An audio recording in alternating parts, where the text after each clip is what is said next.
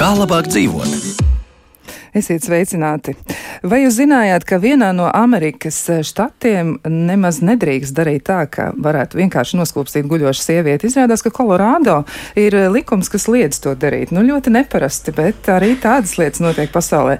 Šodien runāsim par sievietēm, par sieviešu veselību un par ļoti daudzām lietām, par kurām reizēm sabiedrība noklusē vai pat kautrēs runāt.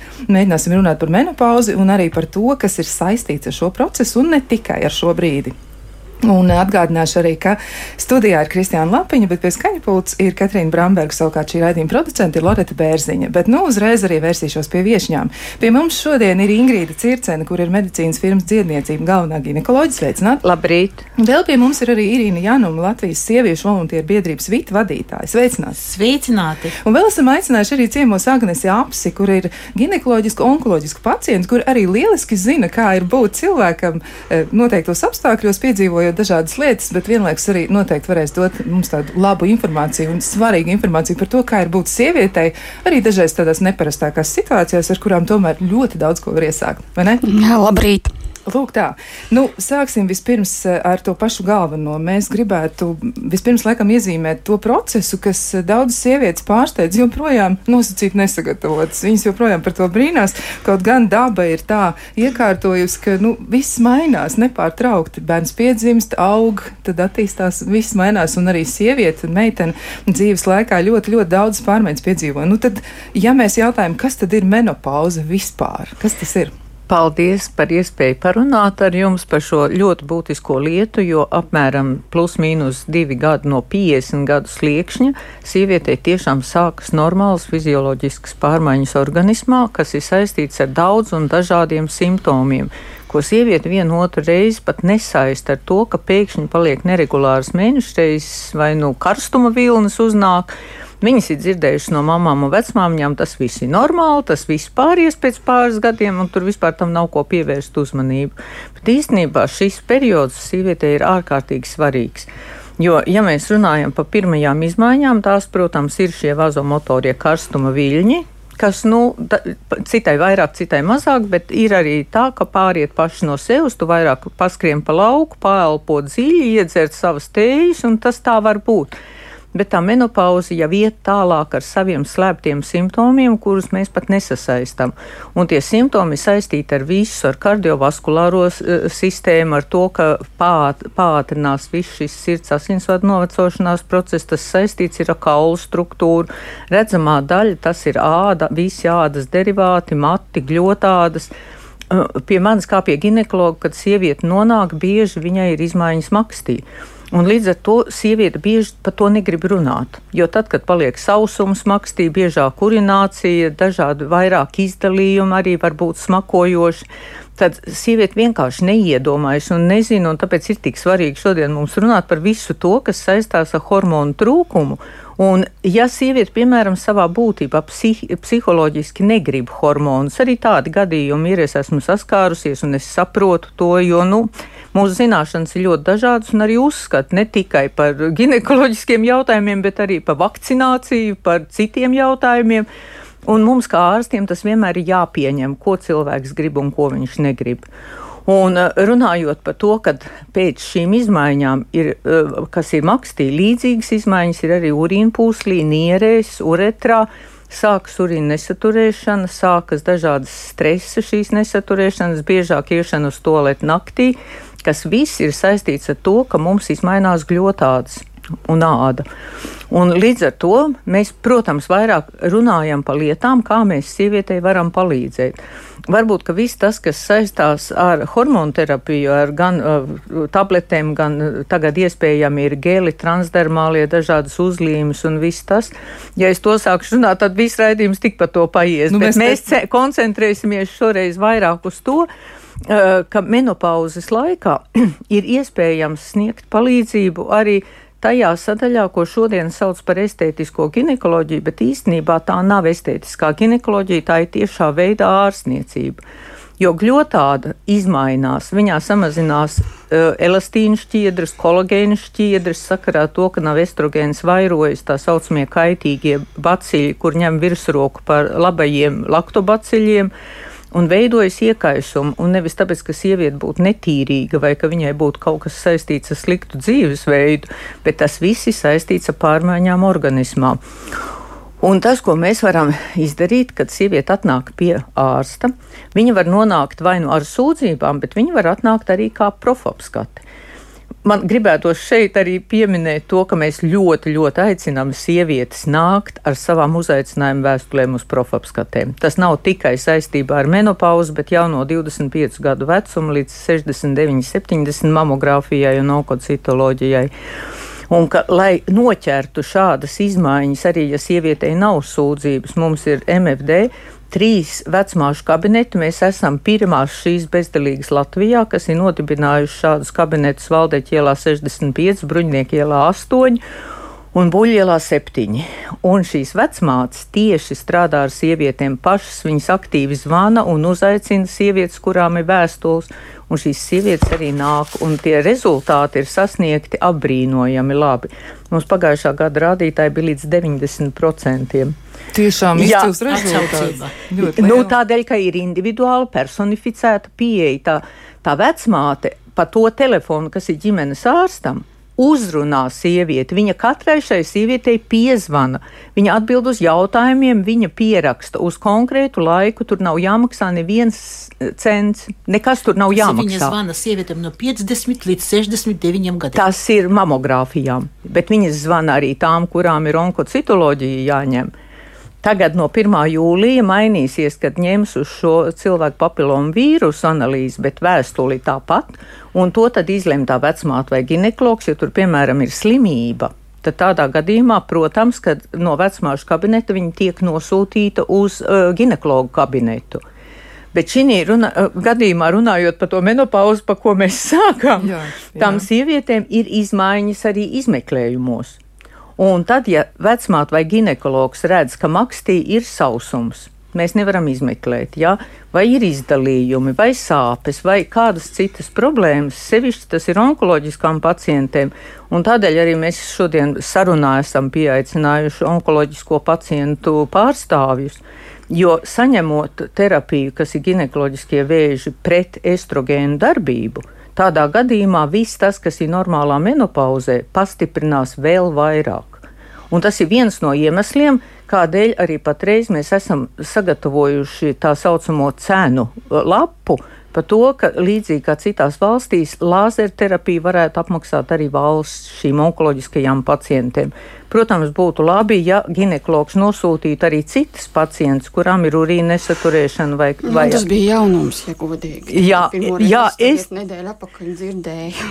paldies, paldies, jo tas ir tas, kāpēc mēs šodien runājam. Mēs tieši par to arī runājam, ka ir metodas, kādā veidā var palīdzēt sievietēm. Mm ja beidzoties normālam ciklam samazinās estrogēnu daudzums sievietes organismā.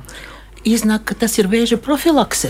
Tā nav profilakse. Nē, profilakse ir apskates. Tāpēc mums ir vecmāšu kabineti ar šīm vēstulēm. Sievietes iet pie, pie ginekologiem, un viņas nemaksā par to. Viņām paņem analīzes vai mamogrāfiju veids bez maksas. Tā ir profilakse. Jā, bet tā tad norientējoties pašā menopauzes procesā, tā tad, ja eh, trūkst estrogēna, ja tā tad mainās ļoti daudzas lietas. Ļoti. Jūs jau minējāt, ka organisms būtībā viscaur mainās un Noveco. ir iespējams, nu jā, jā. jā, lai kā negribētos, nu tā jāsaka, ja, vienkārši noveco. Atklāti. Jā, mainās.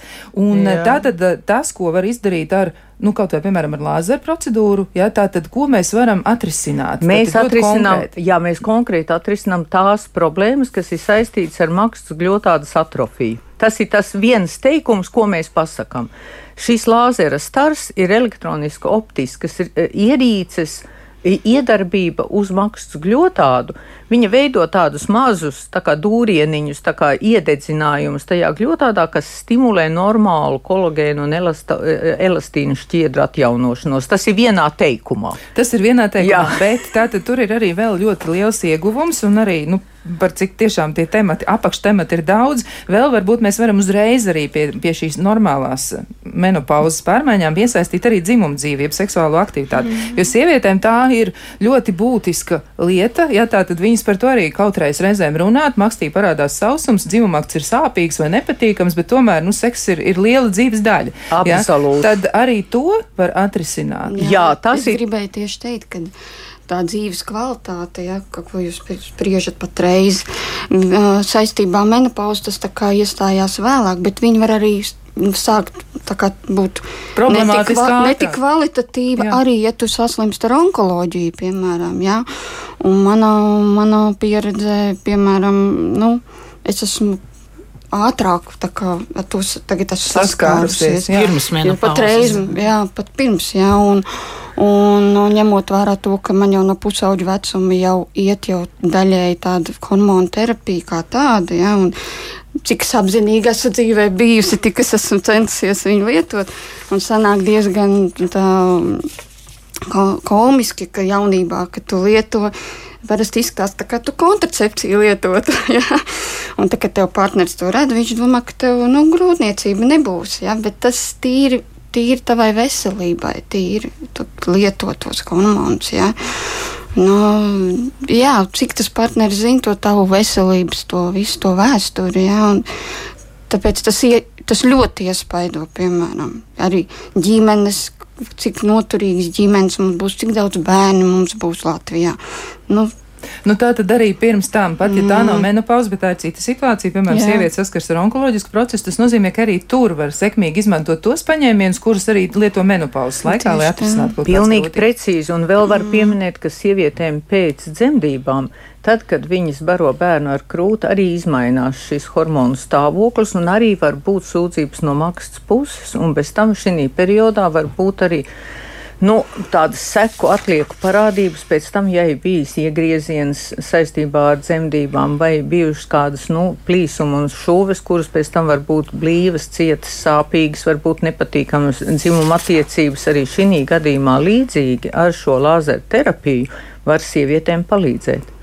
Jā, nu tā tad to mēs ņemam vērā. Tā ir ļoti, ļoti laba lieta, labs jaunums. Bet uh, jautājums ir arī par menopauzi. Kad tad beidzas menopauze? Jo tas ir laika posms, tas nav viens brīdis, ja tas nav trīs nedēļas. Ja? Tas ir laika posms sievietes dzīvē. Nu, menopauze varētu teikt, ka ir no ap, aptuveni 50 gadiem līdz mūža beigām, jo mēnešreiz mums vairs diemžēl neatjaunojas, vai nu kā to ņem. Bet katrā gadījumā šajā laikā mums ir jārūpējas par to, lai visa organisma šūnas tomēr turētos vairāk vai mazāk tādā līmenī, ka viņas nenoveco tik strauji.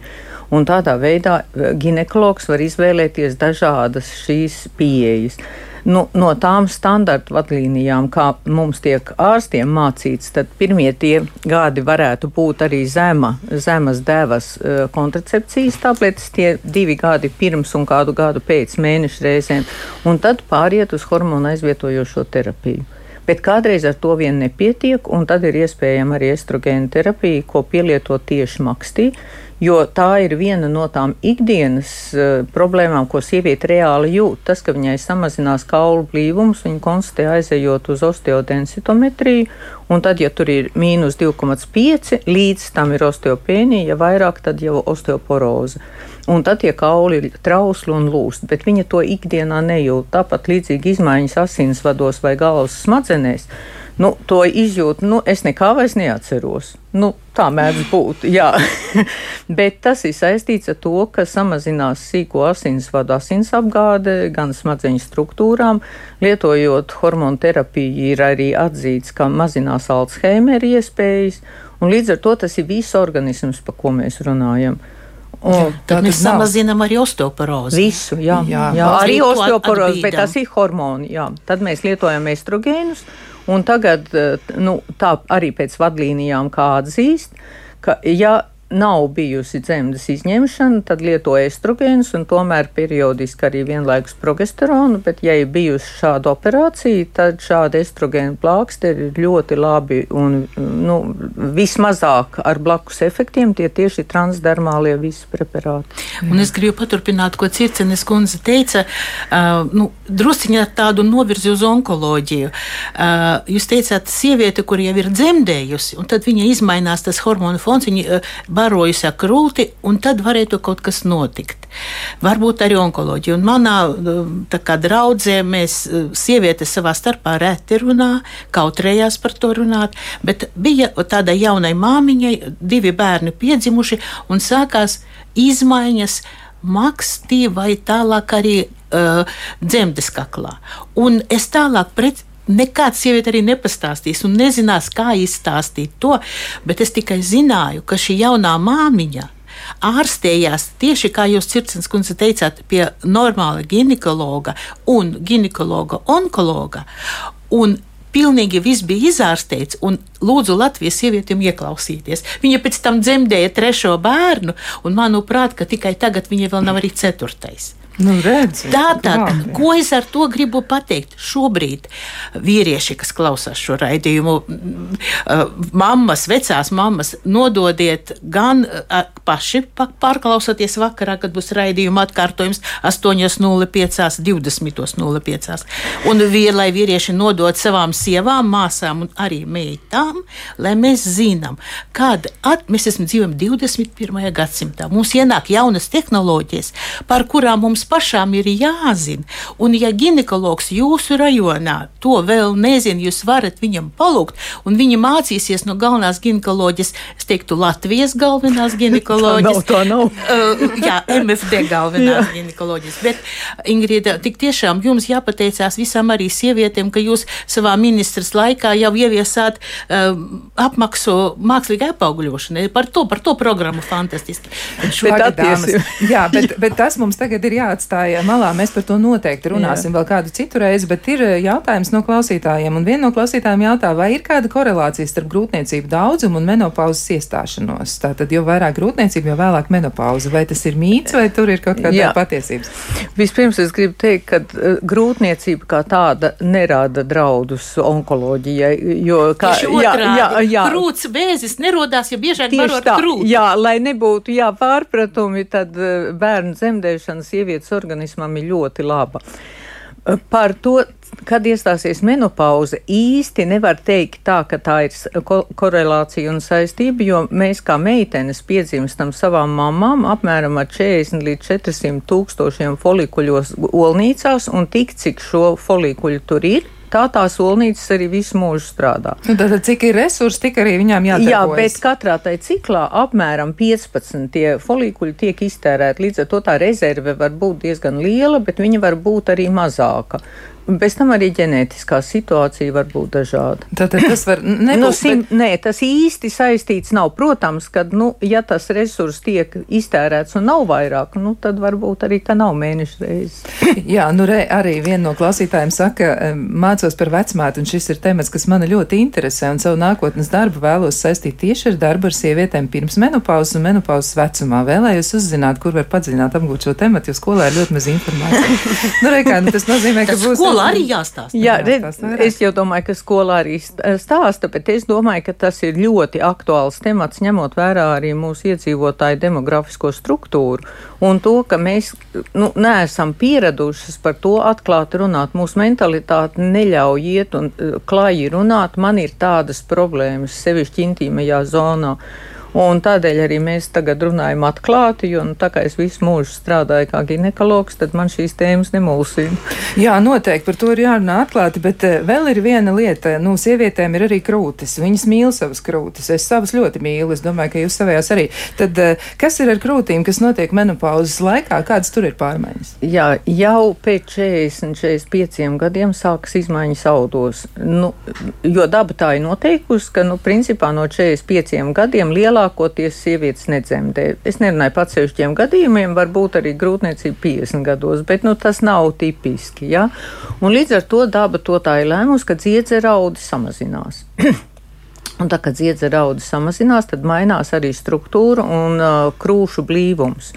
Un nevelti mēs sakām, ka sievietēm jau no 25, 30 gadu vecuma katrā mēneši, mēnesī pēc mēneša reizēm jāpārbauda krūtis pašām, iztaustot, un vislabāk to ir darīt dušā, vai nu vannā, jo tad, kad saziepē ādu, tad vieglāk ir eh, nu, sakļaujas roka ar to ādu un, un vieglāk ir iztaustīt dažādus sabiezējumus vai palielinājumus, vai, vai jāpārbauda arī vai no krūtīm nav izdalījumi, kas ir ļoti tāds eh, nu, simptoms sevišķi nedzemdējušām sievietēm kas brīdina par to aiziet pie ārsta un paņemiet izdalījumu analīzi, un lai nosūta jūs uz ultrasonogrāfiju jaunas sievietes un uz mamogrāfiju sievietes pēc 40 gadu vecuma. Un tad, ja redz kādas izmaiņas, tad sūta arī pēc mamogrāfijas vēl uz ultrasonogrāfiju. Un ja ir vēstule un vēstules numurs uzaicinājumu vēstule uz mamogrāfiju, tad tas viss ir valsts apmaksāts.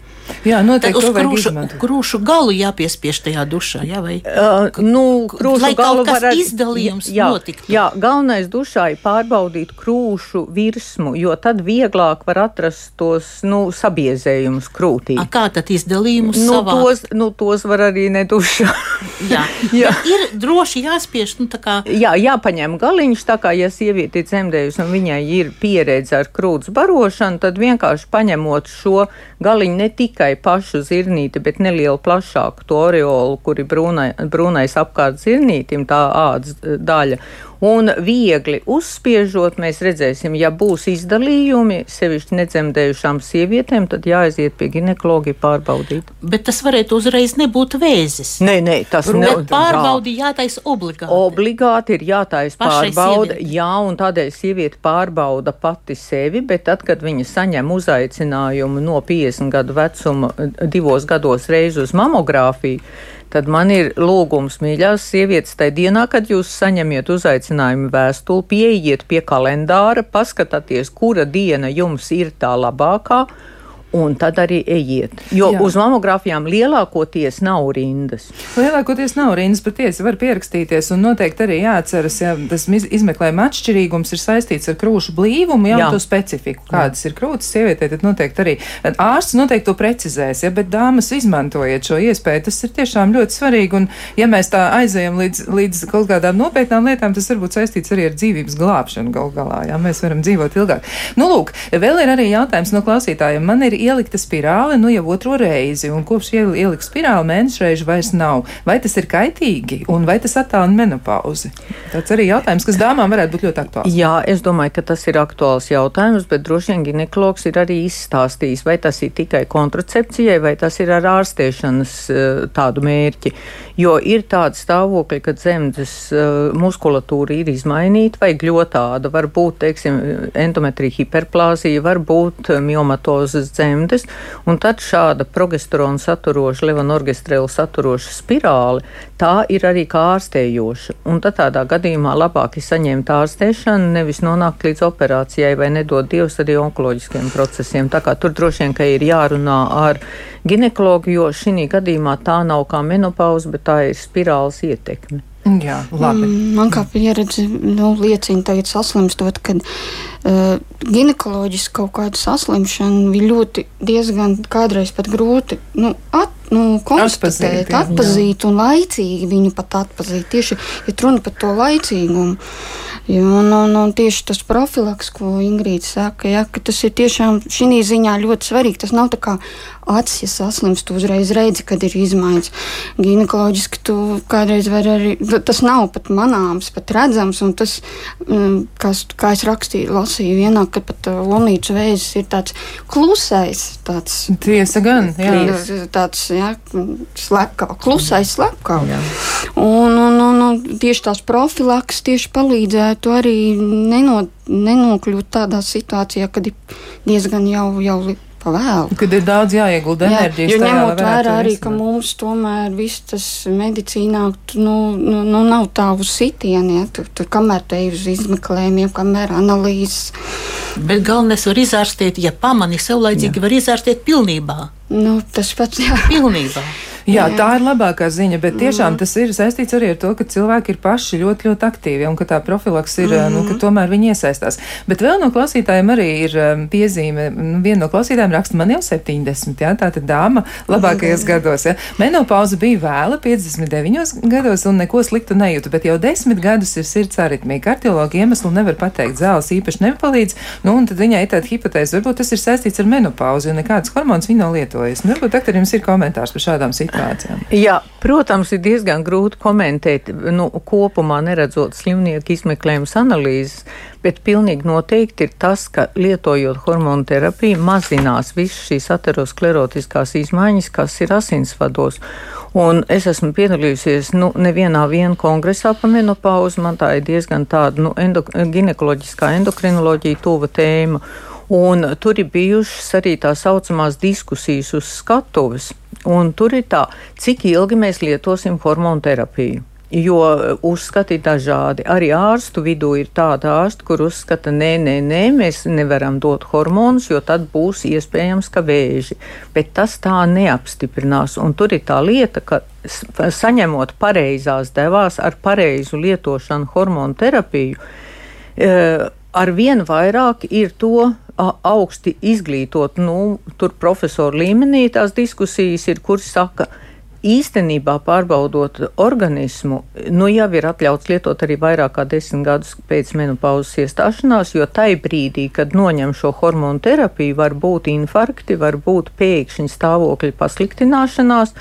Un, ja kādreiz teica, ka vienu, divus gadus var lietot hormonu preparātus, bet tad arī viņi bija nu, daudz, daudz ar lielākām blakus e, parādībām, tad pārgāja līdz pieci gadi, tagad jau runā par septiņu un desmit gadi.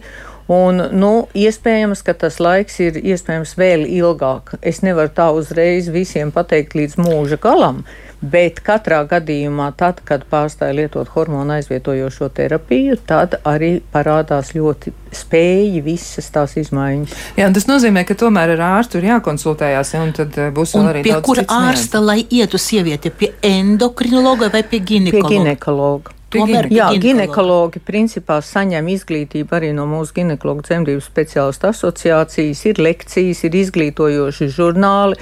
Nu, lielākā daļa arī ārstu lasa starptautiskās vadlīnijas, kas ir angļu valodā. Tā kā, nu, ja, ja ārsts seko līdzi visam tam, kas notiek pasaulē, tad ginekologs ir tas ārsts, kas vislabāk Kur jāzina arī hormonu terapija, jā, jā. endokrinoloģija. Endokrinoloģiska, nu, tie aspekti, ja, kas ir no ginekoloģijas, kas Pamati. izviet. Jā, labi, mums vēl būs daudz jautājumu par menopauzu un arī ne tikai par to, bet tos mēs visus uzdosim pēc īsa brīža. Laiks jūsu jautājumiem. Tālruņa studijā 6722, 888, un 6722, 559, mūsu e-pasts, klausītājs atlatvijas radio.lv. Turpinām sarunu par menopauzi un ne tikai par to. Turpinām sarunu par sievietes veselību. Un eh, droši vien arī, ka sievietes veselības nodrošināšanā var iesaistīties arī vīrieši. Un te es gribētu pievērsties uz īsu mirkli vīrusam un potēm, jeb vakcīnām. Doktor Circen, pastāstiet lūdzu sīkāk, kā vīrieši un zēni var palīdzēt sievietēm dzīvot garu, skaistu, piepildītu un brīnišķīgu mūžu. Jā, mēs esam pietuvojušies šai iespējai dzīvot ilgu un laimīgu mūžu gan meitenēm, gan puišiem, no šī gada ir iespējama arī cilvēku papilomu vīrusu vakcīna pret deviņiem dažādiem vēžu veidiem, arī puikām no 12 gadu vecuma. Bija meitenēm, Un tagad ir arī puišiem. Tas ir jā, bez maksas no 12 gadu vecuma līdz 18 gadiem. Un tas ir milzu solis uz priekšu, lai mums būtu vesela, vesela populācija, sabiedrība. Un es to ņēmu kā tādu atskaites punktu jau gadus desmit atpakaļ. Es skatījos datus par Somiju, kur sievietes ļoti apzinīgi iet uz šīm profapskatēm, kur viņas saņem uzaicinājumu vēstules, un tur šī vakcinācija jau tad bija, un kopumā dzemdas kakla vēzis sievietēm praktiski gandrīz nebija. Tādēļ, ka tas ir tas vēzis, ko mēs īstenībā varam novērst, jo dzemdas kakla vēzis ir viens no retajiem, kur ir zinām izcelsme, un tas ir tā saucamais cilvēku papilomu vīrus, kurš rada šīs pārmaiņas dzemdas kakla audos. Un, ja saņem vakcīnu, kura darbojas ne tikai uz zemes kakla vēzi, bet arī uz zarnu vēzi, starpens vēzi, dzimumu locekļu vēzi un citiem vēžiem, tad tādā gadījumā mēs vismaz daļu no vēžiem varam mazināt vai novērst vispār. Mēs dzirdējam, ka sēklinieku vēzis vīriešiem arī parādās. Tāpēc mums jārunā ar, vi, ar jauniem, eh, ar tēviem un jaunus zēnus. Jā, mums noteikti ir jārunā un arī ar puišiem. Un mums ir atklāti jāstāsta, ka ir vēži, ko mēs varam novērst. Bērni varbūt ka vēl laimīgi, ja man as, nu, nu, būtu bijusi tāda pota, un tad es nu, tiešām pēc tās potas nebūtu dabūjis tagad to nu, kon, un, vēzi. Un vienu reizi jāiešpricē tā vakcīna vai cik reizes. Gan es dzīvē nebiju tik apzinīga uz akciju. Jā. Jā, nu arī atgriežoties pie klausītāja jautājumiem, nu vēl ir arī tādas dažādas situācijas, un viena no klausītājiem saka tā, man ir 52 gadi, menopauzes vēl nav, bet, nu, te uzmanīgi, ja, tad doktor Circen teica, ka menopauze jau nav tā pamanāma uzreiz, jā, bet menopauzes vēl nav, nu, kā klausītāji eh, saka par sevi, pēdējos gados esmu strauji novecojis, par ko liecina āda, locītavas matu izskašana, ko varētu lietot, lai justos un izskatītos labāk.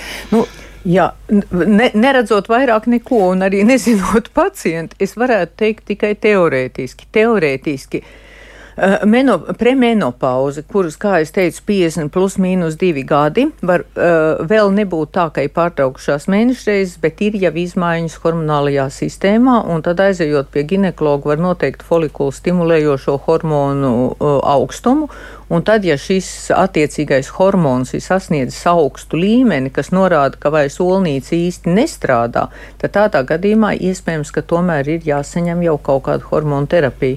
Bet to ļoti grūti tā ir pateikt, bet neapšaubām, ka estrogēna samazināšanās ietekmē visu, kas ir saistīts ar ādu un visiem ādas derivātiem. Tas ir mati, nāgi, makšķļotāda, āda, tas viss ar to ir saistīts. Jo, nu, ja, ja nav kāda specifiska cita slimība, bet pie normāla fizioloģiska procesa tā tas ir. Bet jo ilgi Jā. iet mēneša reizes, jo labāk organismam. Nu, nevienmēr, nevienmēr, jo, ja, piemēram, šīs mēneša reizes ir neregulāras, pēc tam, pēc ilgāka perioda ir ar lielu asins zudumu, tas no, var norādīt uz to, ka nepareizi funkcionē arī dzemdas gļotāda, un tad, kad šī dzemdas gļotāda sabiezinās, tad tur var veidoties arī tā saucamie riska faktori vēžiem, kas ir tā saucamā hiperplāzija biezā gļotāda vai polīpi. Nu, lūk, hormonterapija. Jā, jā hormonterapija, to mēs arī tūlīt mēģināsim aplūkot, bet lūdzu pasakiet šajā brīdī par to, kas tā, kā tad ir ar tiem riskiem. Ja ir menopauze, premenopauze, tātad menopauze, lietas mainās, mainās būtiski, vai mainās arī riski? attiecībā uz onkoloģiskiem procesiem? Jā, šūnai novecojoties, protams, ka mazinās arī šīs šūnas aizsarga spēja pret dažādiem citiem faktoriem. Kā mēs minējām, tādu īstu vēža faktoru mēs skaidri zinām dzemdas kaklavēzim, un tādēļ arī no šī gada 1. jūlija principā plāno pāriet uz to, ka neņems tā saucamo onkocitoloģiju, bet pārbaudīs uz cilvēku papilomu vīrusu, un ja šī vīrusa nav, tad izmaiņas, piemēram, dzemdas kaklā var ārstēt savādāk. Bet, ja šīs vīrus ir, tad tas ir tas risks to, ka var būt zemes kakla vēzis. Līdzīgi riski ir tāpat arī neregulārs mēnešreizes, ko es kā minēju, tad zemes iekšējā kārta endometrijas kļūst bies, un šajā nu, kā teikt, nepareizi, nepareizi formētajā gļotādā var biežāk arī veidoties kādas dalīšanās kļūdas un veidoties arī tā saucamie priekšvēža vai vēža procesi. Es gribēju teikt, ka ļoti svarīgi arī ģimenē izrunāt, piemēram, kad, ja tu ej pie ginekologa, tas nenozīmē, ka tev ir tas, tev var būt gan tas, gan tas, gan tas, gan tas. Tā, tas lai nav tā, ka partneris ir neziņā, kas ar tevi notiek, ja? vai tev ir, vai kāpēc tu ej pie ginekologa. Jo, jo viņa, viņa pat arī ir cilvēkiem uzskata, ka tu ej pie ginekologa tikai tad, kad tev ir kaut kāda, nu, kaut kāda problēma. problēma jo, tas ir tik, jo tas ir tik intīms dabas process, ka nu, nu nav vēlme atrast sevī kaut kādu problēmu. Ja? Jā, nu te tāds eh, varbūt eh, nezinu, vai īsti iederīgs, bet tāds, ir tāds joks par to, ja, ka, piemēram, par krūtīm runājot, ka tas ir nu, vīriešiem, ja kā tāda rotaļu vilcieni. Viņi it kā nopērk bērnam, bet spēlēs pats, ja, un tad par krūtīm arī, nu, vīrietim būtu jāzina, kas notiek ar sievas vai partneras krūtīm, kā viņām tur klājas, ja, un ko tad ar to var darīt un kā var palīdzēt. Mm. Bet uh, vēl arī jautājums ir par to, nu, kā ir tad, ja ir kaut kas, kas ir jau izdarīts, piemēram, kādu operāciju veikt. Un viena no klausītājiem saka tā, ka viņai ir 65 gadi, miomas un labvēlīgi tāda procesa dēļ ir izņemta dzemde un olnīcas, un bija domājis, ka ar to menopauze arī beigsies, bet nu ir pagājuši desmit gadi, un brīžiem karsts viņi parādās. Vai tas ir normāli?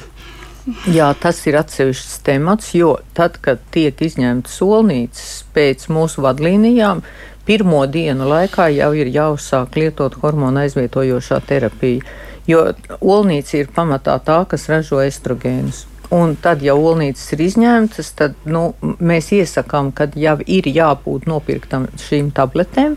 Un jau pirmās dienas pēc operācijas ir jāuzsāk hormonu aizvietojošā terapija. Ja es nojaušu, pagājuši, ka man tas ir priekšā.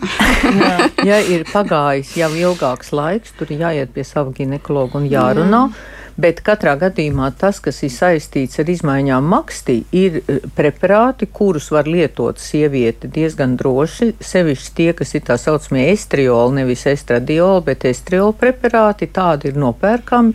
Viņi gan, cik es zinu, nav reģistrēti Latvijā, bet aptiekās var pasūtīt. Ja ir recepte, tad var pasūtīt, un tie ir diezgan droši lietojami. Un otrkārt, tiešām tā kā mēs runājām, ir tā saucamā estētiskā ginekoloģija, kas ir lāzerterapija, kuru var lietot visi, arī vēža pacienti. Un tad ir arī tāda metode, ko pielieto arī MFD ginekologu kabinetos - plazmas metodas, kur sievietei pašai paņem no vēnes asinis bagātina trombocītus, tad, kad tai centrifūgā viņi tur, tur drusku tā samājas. un tad ar šo trombocītiem bagātināto plazmu veids injekcijas maksas gļotādā. Un tas ir pilnīgi nekaitīgi, jo tās pašas sievietes asins sastāvs, jā, Lāzerterapijā nav neviena medikamenta, un ir vēl tāda hialurona skābes injekcijas, kuras var pielietot, bet nu, tās varbūt nav tik plaši pielietotas. Bet plazmas terapija un lāzerterapija ļoti labi līdz izmaiņām makstī. Jā, nu vēl arī jautājums ir par to, tas arī saistīts gan ar sievietes izjūtām, gan arī ar dzimumdzīves kvalitāti un vēl citām lietām. Un lūk, klausītāji raksta tā, ka ir pēc trešā bērna nosiet ulvedu, un man jau trīs gadus ir sausums, makstī, cik var saprast, ja, un tad nav vēlme pēc dzimuma akta, vai var kādu komentāru, un viņi saka, vēl nav pat 40 gadu, un ļoti jauna sieviete, un tiešām gribētu aktīvu seksuālo dzīvi, droši vien, un, un Jā, es domāju, problēmas. ka šai sievietei tieši noderētu tas, ko mēs runājam par maksts gļotādas atjaunošanu, jo iespējams, ka pēc dzemdībām arī ir maksts gļotādas izmaiņas. Iespējams, ka ir arī hormonāls izmaiņas. Līdz ar to, protams, ka ginekologs būs tas, kurš noteiks konkrēti. Tur vajadzētu noteikt uh, hormo, hormonu līmeni, vajadzētu saprast, kas ir mēneša reizēm, bet, ja teiksim, ar hormoniem it kā viss ir kārtībā, tad ir iespējams šo makstu daļu sanē, ārstēt. Un tie ir gan krēmi, kurus var lietot, lubrikanti, ir lazerterapija, ir šī plazmas terapija Jo sievietei bieži traucē tieši tas, ka ir sāpīgas attiecības vai sausums makstī, un līdz ar to arī šī vēlme zūd. Bez tam ir arī tas, kas ir saistīts ar dažādām hormonu preparātu lietošanām, jo lietojot nu, tabletes hormonu tabletes vai nu orālo kontracepciju, vai nu hormonu aizvietojošo. Atsevišķos gadījumos ir dažādas blaknes, un, ja ir nosieti olvadi, tad šādas tabletes sievietes nelieto. Kad, eh, līdz ar to es domāju, ka šis nav tas gadījums, kur mēs varētu runāt par hormonu ietekmi no malas. Jā, nu vēl arī jautājums ir par eh, citām problēmām, kas varētu būt vienlaikus. Ja, piemēram, ir tromboze, eh, ko tad, vai tad vispār hormonālo terapiju? Nu, tad Jā, tromboze ir liels riska faktors, un arī tur ir jāizvērtē kopējā situācija. Ja mēs runājam par to, ka, teiksim, ir tas risks neliels, tad tādā gadījumā drīzāk tiek lietot transdermālie preparāti, jo tie neiet caur aknām un šo žults urīna sistēmu un arī trombu faktoru mazina. Jā, bet tas ir ginekologam jānosaka. Doktori Circina, arī vēl viens jautājums. Jūs pieminējāt, ja ir izņemta dzemde un olnīcas, Jā. kuros gadījumos obligāti jāņem dzemde un olnīcas, un kas to izlēma? Ginekologs, ginekologs. vai onkologs? Arī? Ne, ginekologs. Nu, nu, nu, ja ir onkoloģija, tad onkologs, bet ja teiksim, ir labdabīgi audzēji, tad tajā gadījumā principā par to lemj ginekologs. Nu, es vienu piemēru tikai pateikšu, jo visu ginekoloģiju Tomēr mēs neizrunāsim. Jāņem, jāņem. Nē, es jums teikšu tā, ja piemēram, piemēram ir labdabīgi dzemdas veidojumi, piemēram, lieli miomas mēzgli, bet vienlaikus ir izmainītas arī olnīcas, piemēram, ir cista, olnīcu cista un Cik attiecīgi. Liela? Nu, to ginekologs pateiks. Varbūt arī 15 centimetri, varbūt 5 centimetri. Nu, tas ir katram pilnīgi savādāk. Sieviete, piemēram, nav ilgi bijusi uz apskati. Viņa atnāk pie, pie ginekologa un mēs konstatējam, nu, nu, jā, daudz un dažādas vainas kopā. Nu, un tad, protams, kad nu, tur piedāvā, neviens jau obligāti neko nedara, bet nu, ārsts parasti izskaidro sievietei, kādi riski ir, ja šāda situācija ir.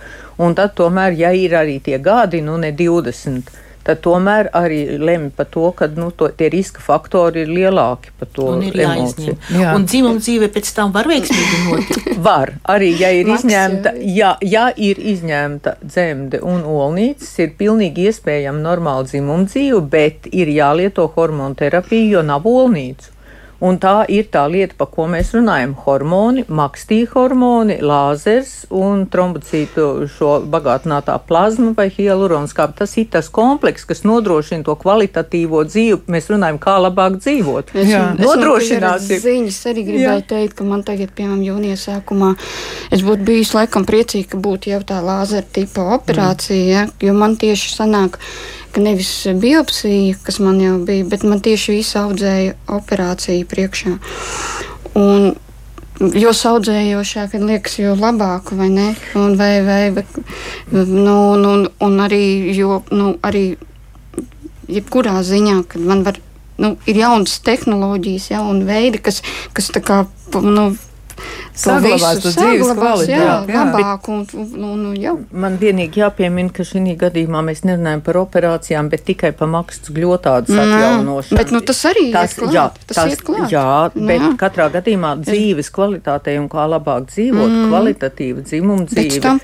Protams, ka jā. tam ir ļoti liela nozīme. Un arī tas, ja ir urīna nesaturēšana, es domāju, ka tas ir viens no tādiem momentiem, pa ko sievietēm ir ļoti neērti runāt. Es atkal būšu pēc operācijas, un, pēc pārslimotā tās slimības es būšu nu, normāls Jā. strādājošs cilvēks. Bez, Jā, protams. Bez, bez... protams. Nu, vēl arī klausītājiem jautājumi ir, vai 55 gadu vecumā menopauzes procesi, ja tie ir ļoti apgrūtinoši un jau ilgs 3 līdz 4 gadus, vai tad var uzstāt, horm uzsākt hormonu aizviedošo terapiju? Nu, protams, ka viss jau atgriežas pie tā sava ginekologa, bet, ja, piemēram, mēnešreizes ir bijušas līdz 53, 54 gadi, piemēram, jā, tad var arī uzsākt hormonu terapiju. Jo, protams, ja ir vairāk jau kā pieci gadi pagājuši no tā brīža, ka mēneša reižu nav, tad ir jāvērtē stāvoklis. Varbūt, ka tad ir jālieto vagināli makstī krēmi vai ir tagad pieejami arī hormonu riņķi. Sevišķi sievietēm, kurām ir maksas noslīdējums, maksas noslīdējums var būt gan pēc dzemdas izņemšanas, gan arī pēc tam, ka, ja teiksim, ir šī maksas kļūtādas atrofija.